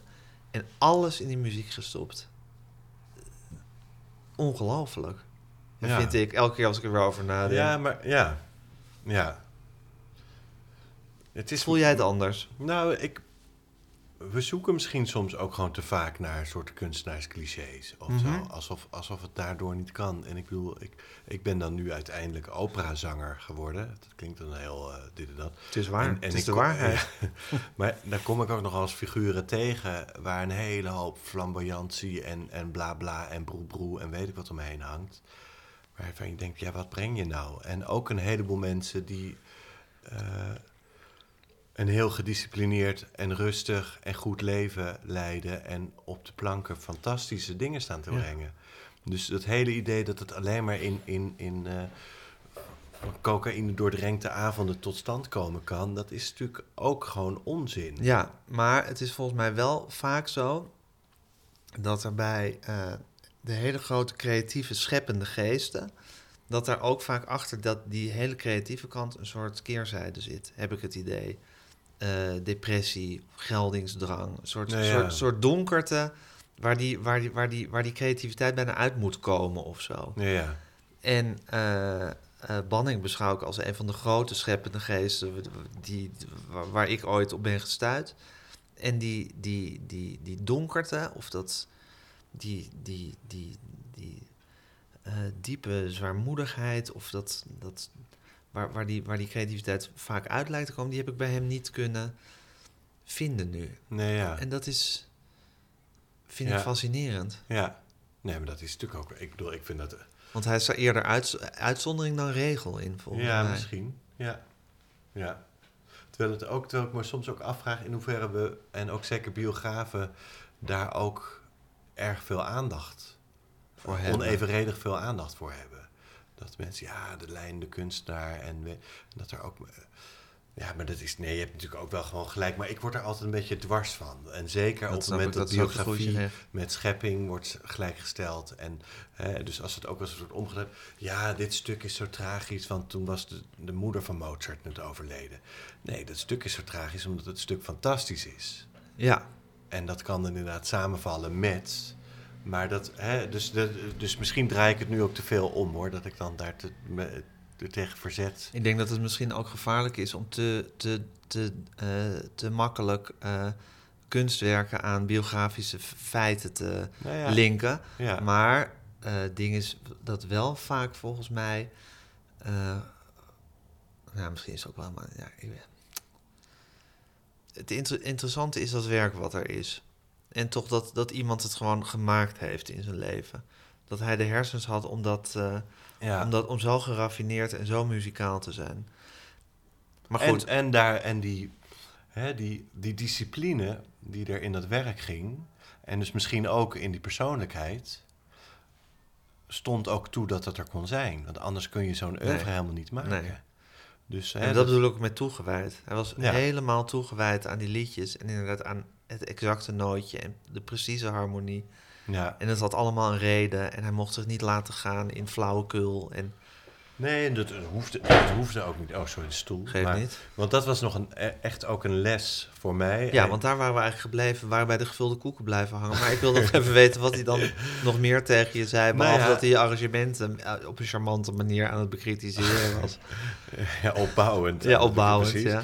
Nee, want op een gegeven moment, eh, ik kwam altijd met liedjes die ik al kende. En toen zei hij van, ja, ik heb dit ooit geschreven voor een televisieprogramma. Niet wetende dat ik ooit met de aanstichter van dat liedje eh, bij mij thuis aan Oh, tafel die heb je het over mij, ja. Ik heb het nu over Volgens jou. mij een verhaal dat ik nog nooit in deze podcast verteld heb. Maar dat kan zo ook dan zo Nou, dat kan, ook kan even ik dan doen. Maar ik wist niet helemaal waar het vandaan kwam. Hij zei, Ja, ik ben gevraagd, of ik was gevraagd in het kader van de Boekenweek. Dat blijkt dus Ja. dat door jou te zijn geweest. Om eh, een liedje te schrijven op een tekst die ik nou zelf kies. Ja. En toen heb ik dit geschreven. En eh, Paul de Leeuw met Cor Bakker hebben dat gedaan. Maar ja, dat is nou één keer gedaan. Maar ja, dat ligt er nou eigenlijk maar. Als je het leuk vindt, heb ik het hier voor je uitgeprint. Ja. Wil jij het niet zingen en op een concert, hè, als je het een leuk liedje vindt? Dat Ja. was Onder de Appelboom, de tekst van Rutger Kopland. Ja. Nou ja, dat vond ik natuurlijk leuk. En hij had toen net een programma, eh, Encore heette dat, op de computer... waar hij zelf nootjes mee kon invoeren. Dus dat niet met de hand. Dus daar had hij dat op eh, gedaan en uitgeprint. En eh, dus ik dat mee naar huis en ingestudeerd en geoefend. En toen kan ik me herinneren dat ik een... Ik denk, ik zat daar niet iedere week, hè, dus hier zitten dan wel maanden Ja. tussen. Maar dat heb ik allemaal niet paraat daar weer kwam. En ik zong ook heel veel Franse chansons en dit en dat. Dus ik had ook wel eens dat ik nou, een nootje zus en een nootje dit en dat. En, en met, dan, dan voelde ik iets zo tussen aanhalingstekens. Dus dan deed ik, zong ik daar gewoon een, een A in plaats van een G. En, dus ik zing het hele liedje. En hij zit naast me en ik begrijp mezelf. En op een gegeven moment komt de zin... eh, ehm, even kijken. Gelukkig kwam er iemand naast me zitten, om precies te zijn. En dan staat in het origineel: Jij was het die naast me kwam, onder de appelboom. En ik deed dat een beetje met, ik denk toch echt die Franse slag, ook een soort Ja. van bravoure. Dus gelukkig kwam er iemand naast mij zitten, om precies te zijn. Jij was het die naast mij kwam. Dus ik ga omhoog op mij. Mij kwam. En ik merkte links naast me dat net. Zo'n soort als Verstijven. door een bij. Bent u ooit wel eens gestoken door een bij? Hè? Was het net zo'n grote bij als die bij mij? Eh, zo'n, ja, nee, even een beweging. En, eh, en nee, geen, hij eigenlijk sloeg me niet op, er Nee. gebeurde niks. Dus het liedje af. En, eh, ja, ja dat, dat staat er toch niet? En ik, nee, ja, maar ik vond het, ik, ik al heel even, ja, ik vond dat wel mooi, zo. in Ja, maar, nee, kijk, dan krijg je dus een vals accent op mij. En ik nadenk, ik denk, ja. En het accent ligt op jij. Jij was het die naast mij kwam. En naast mij kwam, naast zit dan op het sterke maatdeel. Ja. En als je naast mij kwam, dan krijg je dus, nou ja, ook nog mij, dus dan helemaal het verkeerde woord. Dan wordt het dus egotripperij. Ja. Terwijl het gaat om, jij was het die naast mij kwam. Ja. En dan moet je niet nog een nootje omhoog. Ja. En daar heb ik toen zoveel ook over, dat heb ik dus nooit meer zo gezongen, tot nu, om het voor te doen. Ja. En dat was zo'n goede les in. Ja, die noot staat onder die lettergreep. En dat is niet Daarom. voor niks. Ja. En dat kan ook niet anders, want als je hem net ietsje hoger doet, of net ietsje lager doet, of random, dan haal je iets weg uit die kracht van de zin, van Ja. de grammatica. Dus het, was zowel, het had een grammaticale reden, en een gevoelsmatige reden, en een klemtoonreden. Ja. En dat is niet alleen maar, dat gaat natuurlijk ook instinctief, maar op het moment dat iemand dat verandert, is het wel meteen fout. Het is allemaal niet voor niks. En op het moment dat ik dan met liederen van Schubert bezig was of bezig ben, dat ik denk, ja, hé, waarom loopt die melodie nou zo en waarom doet hij nou hier net een andere variatie? Dat zijn allemaal dezelfde Ja.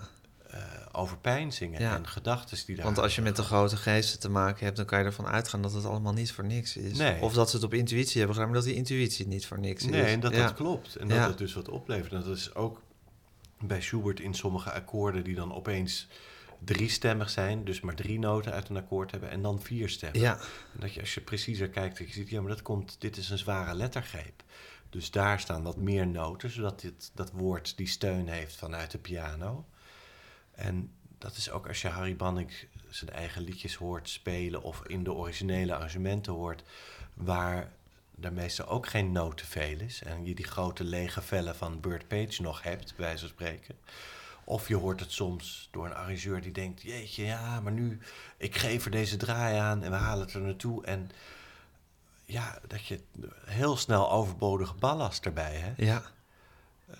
Dat, dat was voor mij dus ook een heel erg grote muzikale les voor het hele klassieke Ja. vak, wat ik nu vooral doe. Of Ja. eigenlijk naar 99 procent. Ja. Het nootje telt.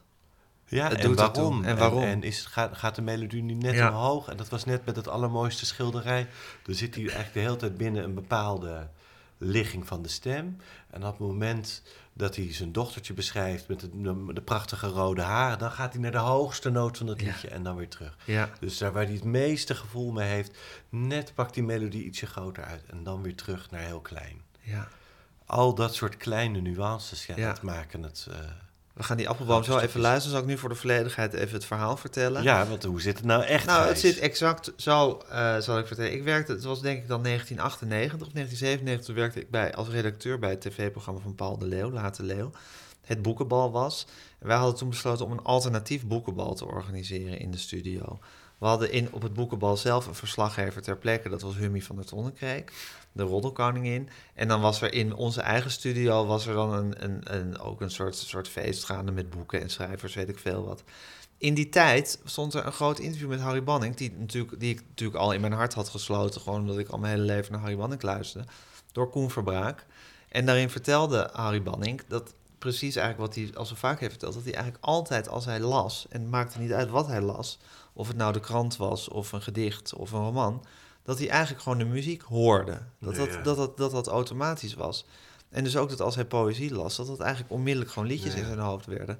En aangezien dat alternatieve boekenbal wij organiseerden, was het toen mijn idee om te zeggen van is het niet leuk als wij Harry Banning vragen om dan een keer eh, zelf een gedicht te kiezen wat hij graag leest en dat, en dat liedje wat hij dan dus automatisch hoort Ja. voor ons te componeren en dan kan eh, Paul dat zingen. Eh, nou, dat idee werd goed bevonden en zo gezegd, zo gedaan. Het is, zoals je weet, een heel subtiel, fijngevoelig liedje. Eh, het werd gezongen daar in die uitzending in een vrij grote kakofonie van dat alternatieve boekenbal, wat wij organiseerden. Dus dat, ja, dat viel eigenlijk weg, zou je kunnen zeggen. Toen heeft Paul de Leeuw het nog opgenomen voor zijn cd Stille Liedjes later. Eh, ik geloof dat Banning zelf niet heel erg te spreken was over de uitvoering van Paul de Leeuw en, eh en Bakker. Dat het niet helemaal recht deed aan, aan hoe hij het bedoeld had, dat liedje. En ik was er ook, het heeft, ik, ik vond het wel mooi, maar het heeft mij toen niet heel erg eh, geraakt of zo. Niet dat ik dacht, wauw, dit is echt fantastisch. Toen had ik jaren later een eh, radioprogramma bij de VPRO, dat heette Cantina. Een onbeluisterd radioprogramma op Radio 6, waar ik altijd iemand mocht uitnodigen die dan twee uur lang eh, zijn eigen favoriete muziek draaide. En daar gingen we over praten. En toen heb ik één keer Bob Zimmerman te gast gehad, die eh, de, Nou, in de. Ban van Banningavond eh, Ja, had gearrangeerd toen, om een, om een uitzending lang over Harry Banning te praten. En hij heeft toen, en dat was puur toevallig dat dat dus bij mij in de uitzending was, hij heeft toen van Jenny, van Harry's weduwe, die toen nog leefde, ehm, eh, de demo-versie meegekregen, die Harry Ah, Banning zelf ja, heeft ja. gezongen van het liedje. Ja. Ik was het liedje, eigenlijk- ik was het niet, ik wist het nog heel goed, maar ik, dat liedje had op mij toen geen diepe indruk gemaakt. Maar dat liedje bleek voor de familie Banning zelf eigenlijk best een belangrijk. Harry Banning lied te zijn. Ik denk ook omdat het eigenlijk de enige keer was, en dat die credit moet ik mezelf dan toch wel Nou geven, ja, dat iemand gewoon tegen hem gezegd heeft van kies zelf eens een, een tekst Ja. uit die je op muziek wil zetten. Want het was natuurlijk altijd dat hij het maar dat hij het toegestuurd kreeg eh, en dat hij het daarmee moest doen. Waarmee hij dus automatisch ook een tekst zal hebben gekozen die hem na aan het hart lag. ja. En hij was natuurlijk zelf geen tekstschrijver, maar daarmee is het eigenlijk ook een heel, denk Heel ik, persoonlijk, persoonlijk, ja, liedje natuurlijk. geworden. En ook de scène die het beschrijft en de, de, de nostalgie in de Absoluut. tuin. Die voel je eigenlijk in dat huis in Bos en Duin, wat jij beschrijft. Ja. En waar ik natuurlijk bij Harry zijn dochter later, en trouwens ook nog toen Jenny nog leefde, ook wel eens op bezoek ben geweest. Je voelt eigenlijk eh, Bos en Duin ook een beetje in dat, Ja, in dat liedje zitten. En je, Ja. je, je voelt dat, dat, dat huwelijk die- van die twee. ja en, die, en het zijn ook het soort tuinen waar je, als het, al komt het kindergelach niet uit je eigen huis. Ja, je hoort het door de lucht de vliegen. buren ja, en- precies. En die, ja. Dus geheel per ongeluk was dat een belang- belangrijk liedje. En ook weer geheel per ongeluk is toen die demo van Harry via de familie en via Bob Zimmerman in die uitzending naar buiten gekomen. En natuurlijk ook opgepikt en daarna door andere mensen weer op YouTube gezet. Niet door mij, maar dat, zoals dat gaat. Ja. En is dat ook dus een van de weinige demo's van Harry zelf die eh, circuleert eh, eh, in de openbaarheid. Ik weet niet of, of de familie daar blij mee is, maar dat, dat is nou eenmaal zo gebeurd. En het is een prachtige demo, Ja, vind ja. ik. Het is heel mooi om het hem zelf te horen zingen. ja. Ik heb hem ook wel eens laten horen in... Want hij eh, staat niet op zijn eigen cd, of staat hij daar? Nee, Nee, nee. nee. Hij heeft hem nooit officieel opgenomen. Het is altijd met zo'n, met zo'n hele grote ruis eroverheen. Want dat een heel eenvoudig bandrecordertje waarmee Ja. hij zijn demo's opnam. Ja, die stond op de vleugel. Ja, ja, precies. ja. Dus dat is een... eh, en het is niet lang voor zijn, voor zijn overlijden geschreven. Ik denk dat 1997 was. Ja. Dus dat is twee jaar voor zijn overlijden is dat, eh, heeft hij het gecomponeerd. En het is een persoonlijk liedje en het is een prachtig liedje. Nee, en ik ben vanaf toen ook altijd gaan, gaan uitvoeren zonder die A erin. Zonder die A erin. En het is ook weer... Ik weet van Dick van der Stoep, die het natuurlijk ook voor onze voorstelling heeft gespeeld... die ook best wel moeite had, omdat... Want hij had niet de partij gekregen van Banning zelf. Die was Ja, ook niet ja. meer te traceren. Maar dat het een vrij complex liedje ook weer Ja, was om te is- spelen. Nee, er zit, op een gegeven moment komt de herinnering dus... eh, de, dingen van de, dag, de dingen van de dag verdwenen voor de geur van hooi. En daar maakt hij een modulatie. Eh, hij zit in C groot. Nou, C groot is eigenlijk de meest stralende standaard toonsoort. Ja. Dus heel alledaags, maar ook de basis zeg maar, van, van wat muziek is, zeggen we, wat is een cliché, dat is C groot. En dan op het moment dat die herinnering erin komt en dat je die geuren, de geur van hooi en de dingen van de dag die verdwijnen, eh, daar maakt hij zo'n fantastische modulatie naar een heel ver weggelegen toonsoort. Dus dat, dat voel je ook gewoon letterlijk. En je ruikt het ook. Ja. En dat doet hij muzikaal op zo'n manier. Ja. Dus als je dat voor het eerst ook hoort, of inderdaad als je dat probeert uit te zoeken, ik kon het dus gewoon van het kopietje spelen. Zeker. Eh, dan is dat, ja, dat is een prachtige Ja. vondst. En qua maat, maatsoort voering is het geloof ik ook wel weer Ja, dat, wonderlijk, het, Het begint weer in een heel rust. Dat is ook typisch Banning. Dus het begint allemaal niks aan de hand. Dus gewoon in standaard 1, 2, 3, 4. Gewoon in een vierkwartsmaat. En dan op een gegeven moment, als die beelden komen, dus als het poëtischer wordt en als de fantasie versnelt, dan maakt hij er opeens een paar keer een driekwartsmaat van. Dus dan mis je steeds één tel. Ja. Dus je bent eerst heel rustig 1, 2, 3, 4 en dan 1, 2, 3, 1, 2, 3. Dus alsof je eh, eh, kortademiger wordt en steeds Ja. verder en het beeld en dan komt het weer tot rust in een vierkwartsmaat. En wat hij ook, waarmee hij meteen het gevoel van nostalgie oproept, is dat hij gebruikt gewoon C groot, dus een, een majeur, een, een opgewekte toonsoort. Uh-huh. Maar daar gebruikt hij dan meteen een akkoordje in wat eigenlijk in mineur thuis hoort. Waardoor je meteen met één klein knipoogje al voelt. Maar wacht even, eh, het staat in majeur en dan... eh, En dan, doet hij, dan heb je da da da da da di di maar dan doe je da da da da da di di di, net een andere noot die je al, waardoor je even voor één akkoord denkt, ben ik eigenlijk nog wel in deze gelukkige majeurwereld? Of heb ik een soort bijsmaak van dat er toch iets Het anders is zo grappig, Thomas, want ik heb natuurlijk heel veel Harry Banning zangers eh, geïnterviewd. Het zijn allemaal acteurs. Het zijn, Ja, ja. behalve, behalve Frank Groothoff eigenlijk, zijn het allemaal mensen die niet eh, klassiek zijn opgeleid en niet helemaal thuis zijn in harmonieleer en weet ik veel wat, maar gewoon die liedjes zingen. Ik heb nog nooit van iemand die die liedjes heeft gezongen beschouwingen gehoord zoals jij ze nu geeft, waarin je daadwerkelijk eh, aangeeft wat, wat er nou gebeurt in die liedjes. Nou ja, maar dat Harmonisch komt gezien. misschien ook doordat ik eh, maar in principe heel vaak altijd, zeker in het begin, mezelf altijd begeleiden en later heel veel met Bert Dat gebeurt inderdaad dus. ook nooit, dat mensen zichzelf begeleiden bij Nee, en dan moet je dus opzoeken van wat gebeurt hier nou? Ja, Want dan zing je er niet, hè, want anders zing je de melodie en die leer je dan en die zing je dan. ja, Terwijl als ik mezelf probeer te begeleiden en te proberen te weten, wat ik ook met klassieke liederen doe, ja, om, om ze in te studeren, dat ik echt kan voelen, ja, maar wat is dit nou? ja, Dus dat confronteert me er dan ook mee, omdat ik denk, ja, nee, maar ik hoor iets heel anders. ja, En dat voel ik dus. Of Ja. weet je, die kleur bij dit nootje of dit woord. Nou ja, jij was het die naast mij kwam, is dan straks een prachtige zin. Waar we dan opeens weer als een soort zucht weer terug zijn in de grondtoonsoort. Hè, er zit wat spanning daarvoor in de harmonie. En dan, ah, dat is een uitademen. je bent er weer. Ja, ja, en eh, het is allemaal goed. En dan hoor je nog net dat, dat ook nog één keer. Van, ja, en dat- ja, ik krijg er dan gewoon kippenvel van als ik het, als ik het hoor. Niet zozeer van mezelf, maar gewoon qua hoe fijngevoelig dat dan geschreven is. Want in dat soort nuances zit het dan. Ongelooflijk, hè? Net als je een, heer, een heerlijke eh, zoele zomeravond hebt... waar je opeens met, door een koude bries een soort Ja. kipvel krijgt. En dat is ook wel lekker. Ja.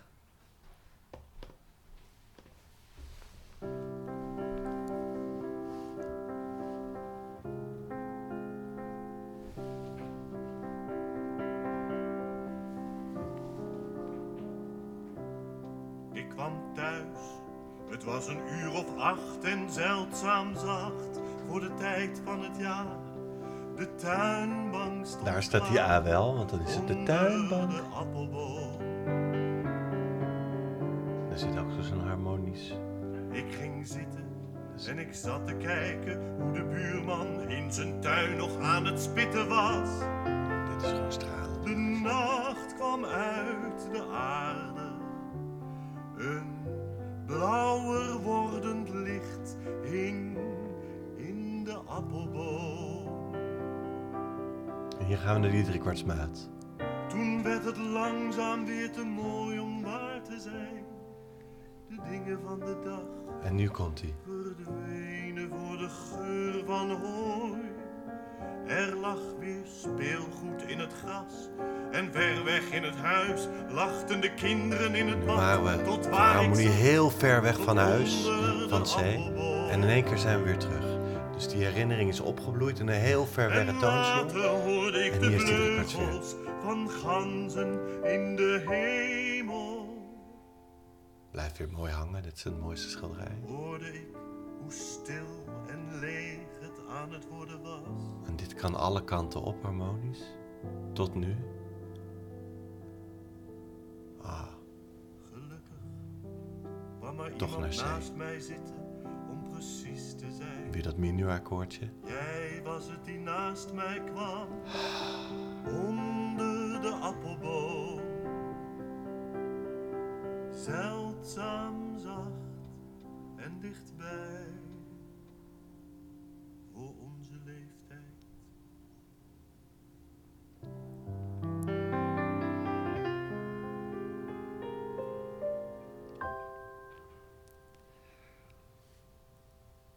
Hè, Thomas.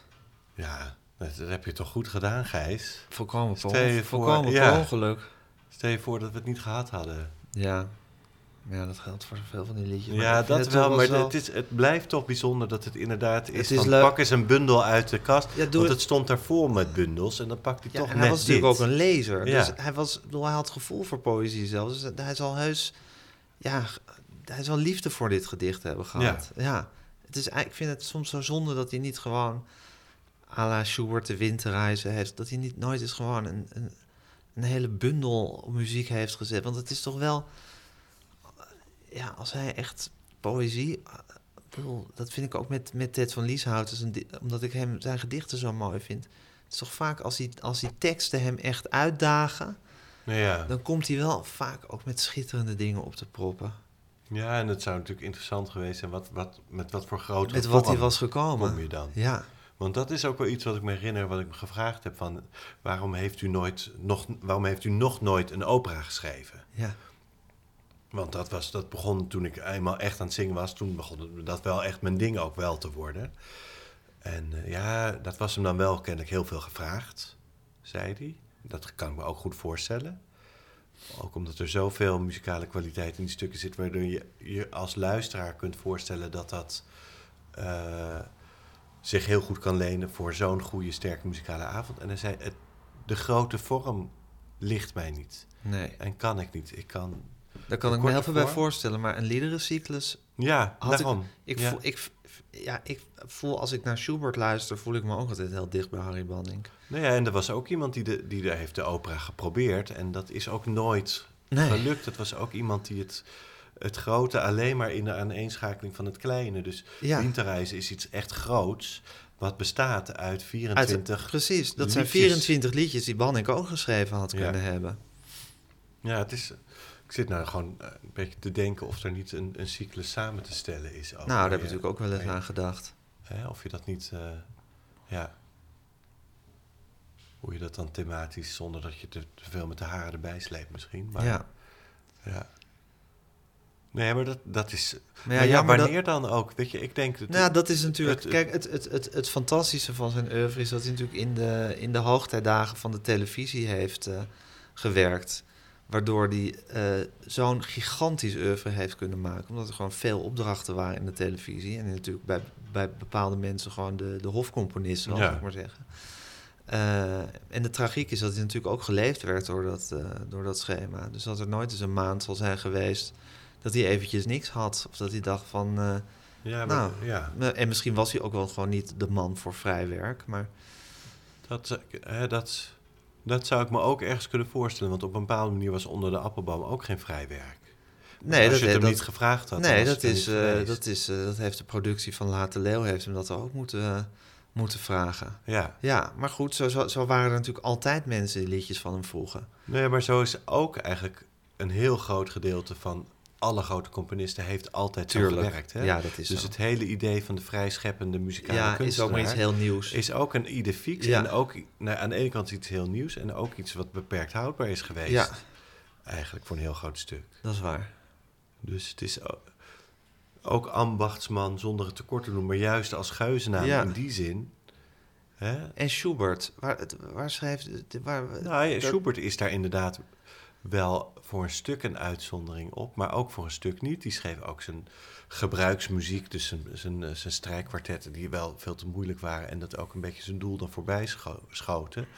Maar die probeerde inderdaad ook op eigen sap dat te worden. Maar dat was in die tijd een vrij moderne uitvinding. Ja, Beethoven was daar een van de eerste in, zeg maar. Mozart was gewoon ook nog keurig Ja. hofcomponist.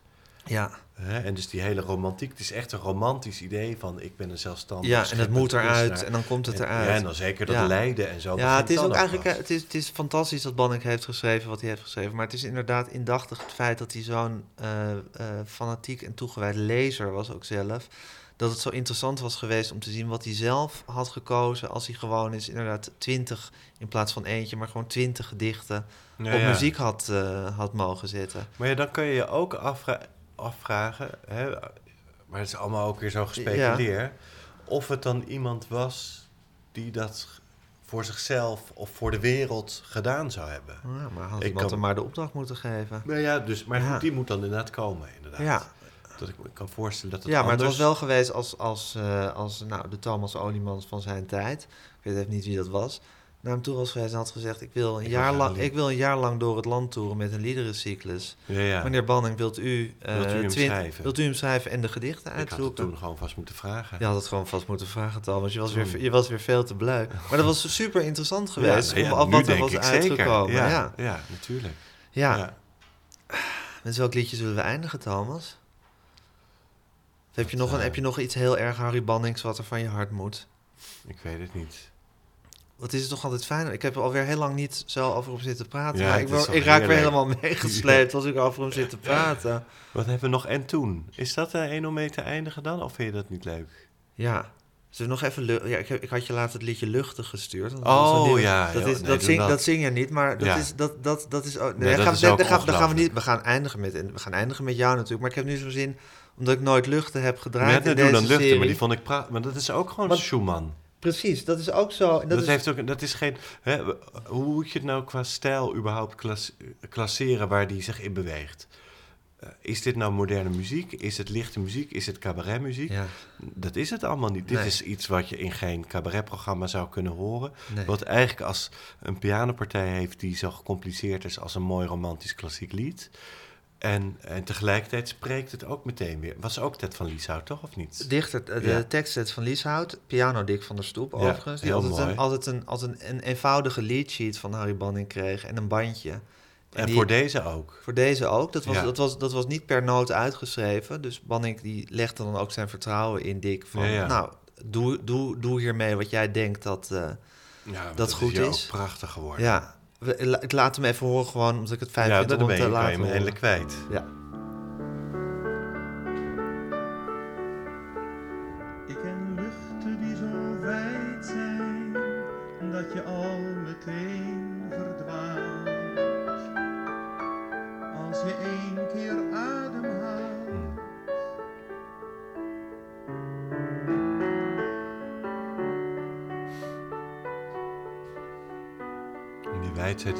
Zo'n harmonie die heel lang ligt. Precies. Alweer.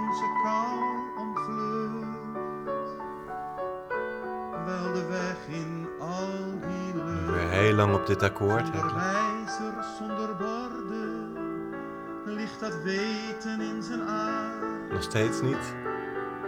En daar. Lees de grond soms als een kaart.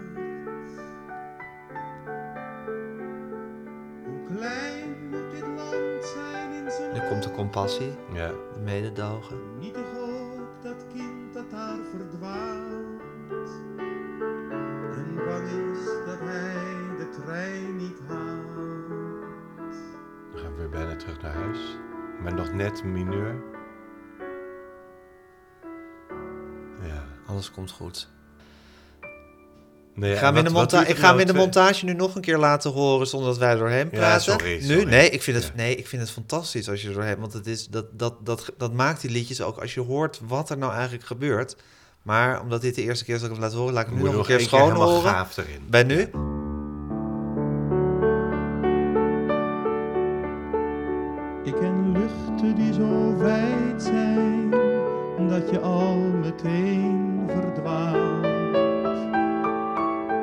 Je één keer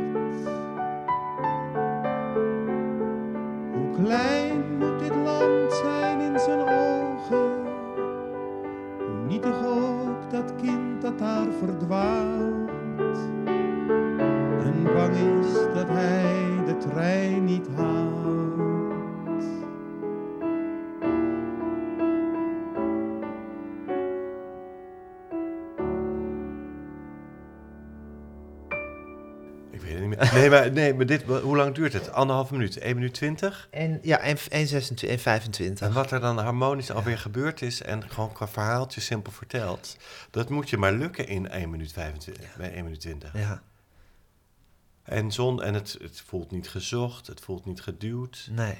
En je kan er je hele leven plezier van hebben, Ja. is mij, denk ik. Ik bedoel, dit kan je toch gewoon altijd eventjes opzetten... Ja, en je even laven aan, aan de, schoon, de pure schoonheid ervan. Ja. En de compassie voor, En het, het gaat voor het door. kind dat daar verdwaalt. Wat is nou die ene inderdaad? eh, ja, dit is het land waar grote mensen wonen. Ook Ja. zo prachtig. Hè? Ook zo schitterend. Dat is dan Annie M. G. Schmid. Ja, Maar dat is ook volgens mij uit een andere tijd.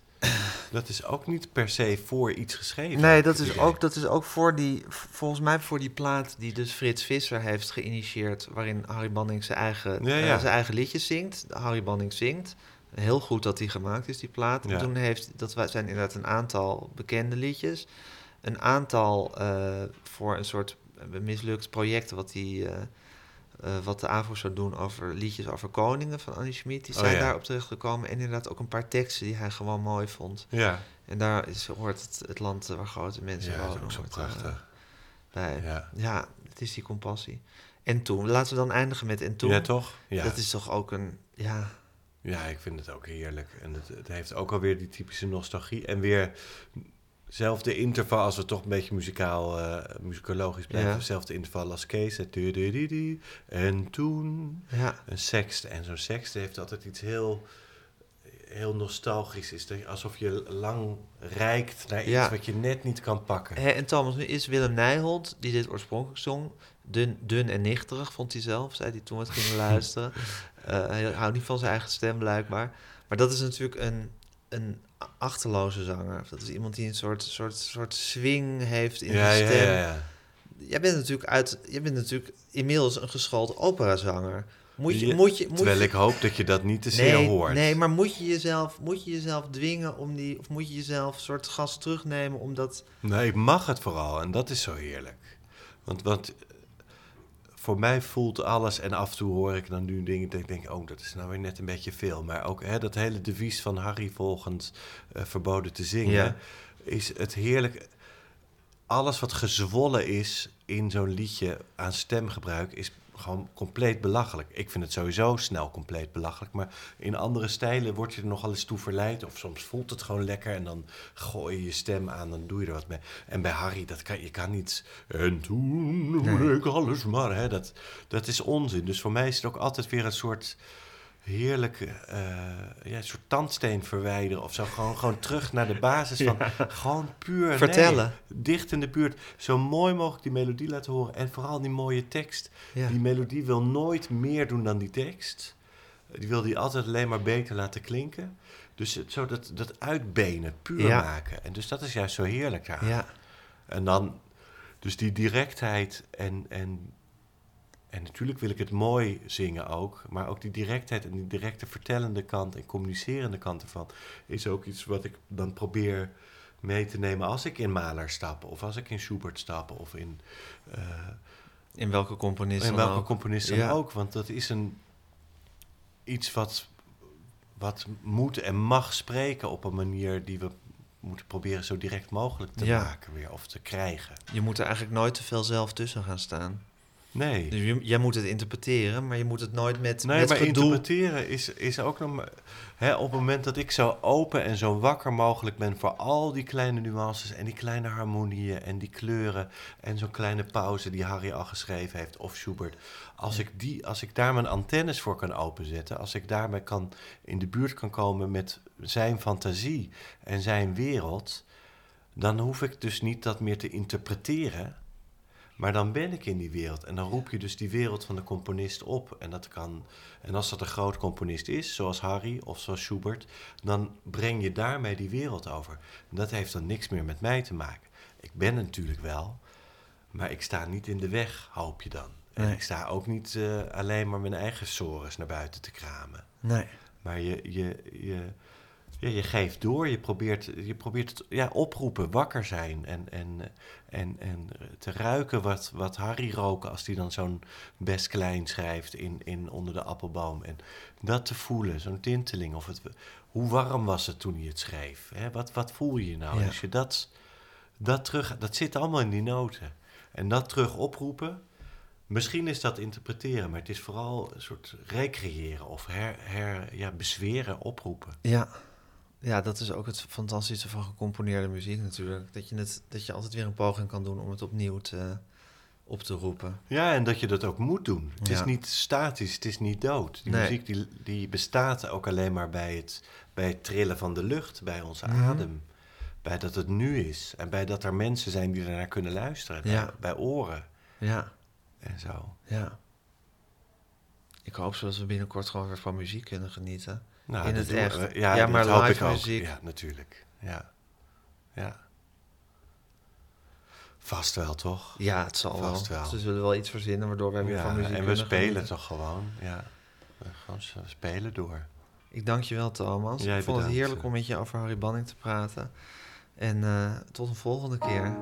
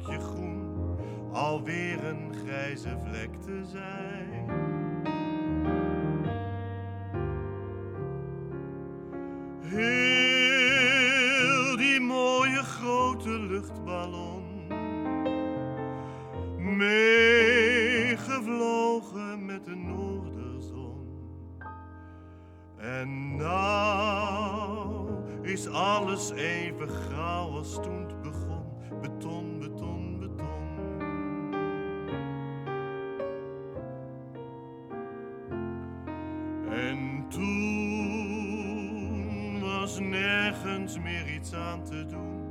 Er kwam een nieuw parkeerterrein. En toen verdween dat ene stukje groen te midden van die steenwoestijn.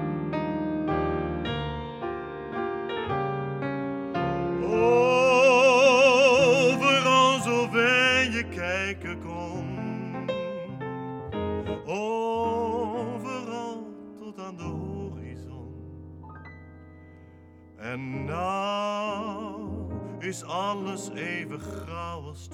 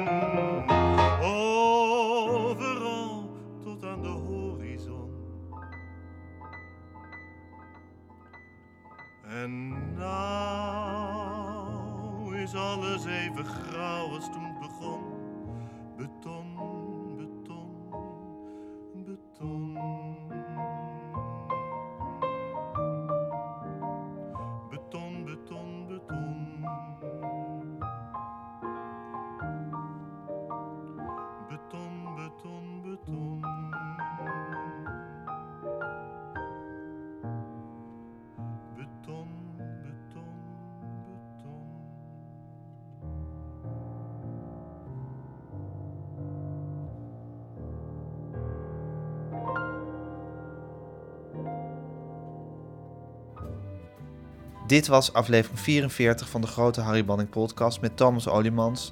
Eh, als u wilt weten welke liedjes u precies gehoord heeft, kunt u gaan naar degroteharrybanningpodcast.nl. U kunt mij ook een mailtje sturen als u dat leuk vindt, gijsgroenteman.gmail.com. En u kunt natuurlijk eh, mijn Facebookpagina bezoeken van de Grote Harry Banning podcast, waarop ik ook een link naar de liedjes van Thomas Oliemans zal plaatsen.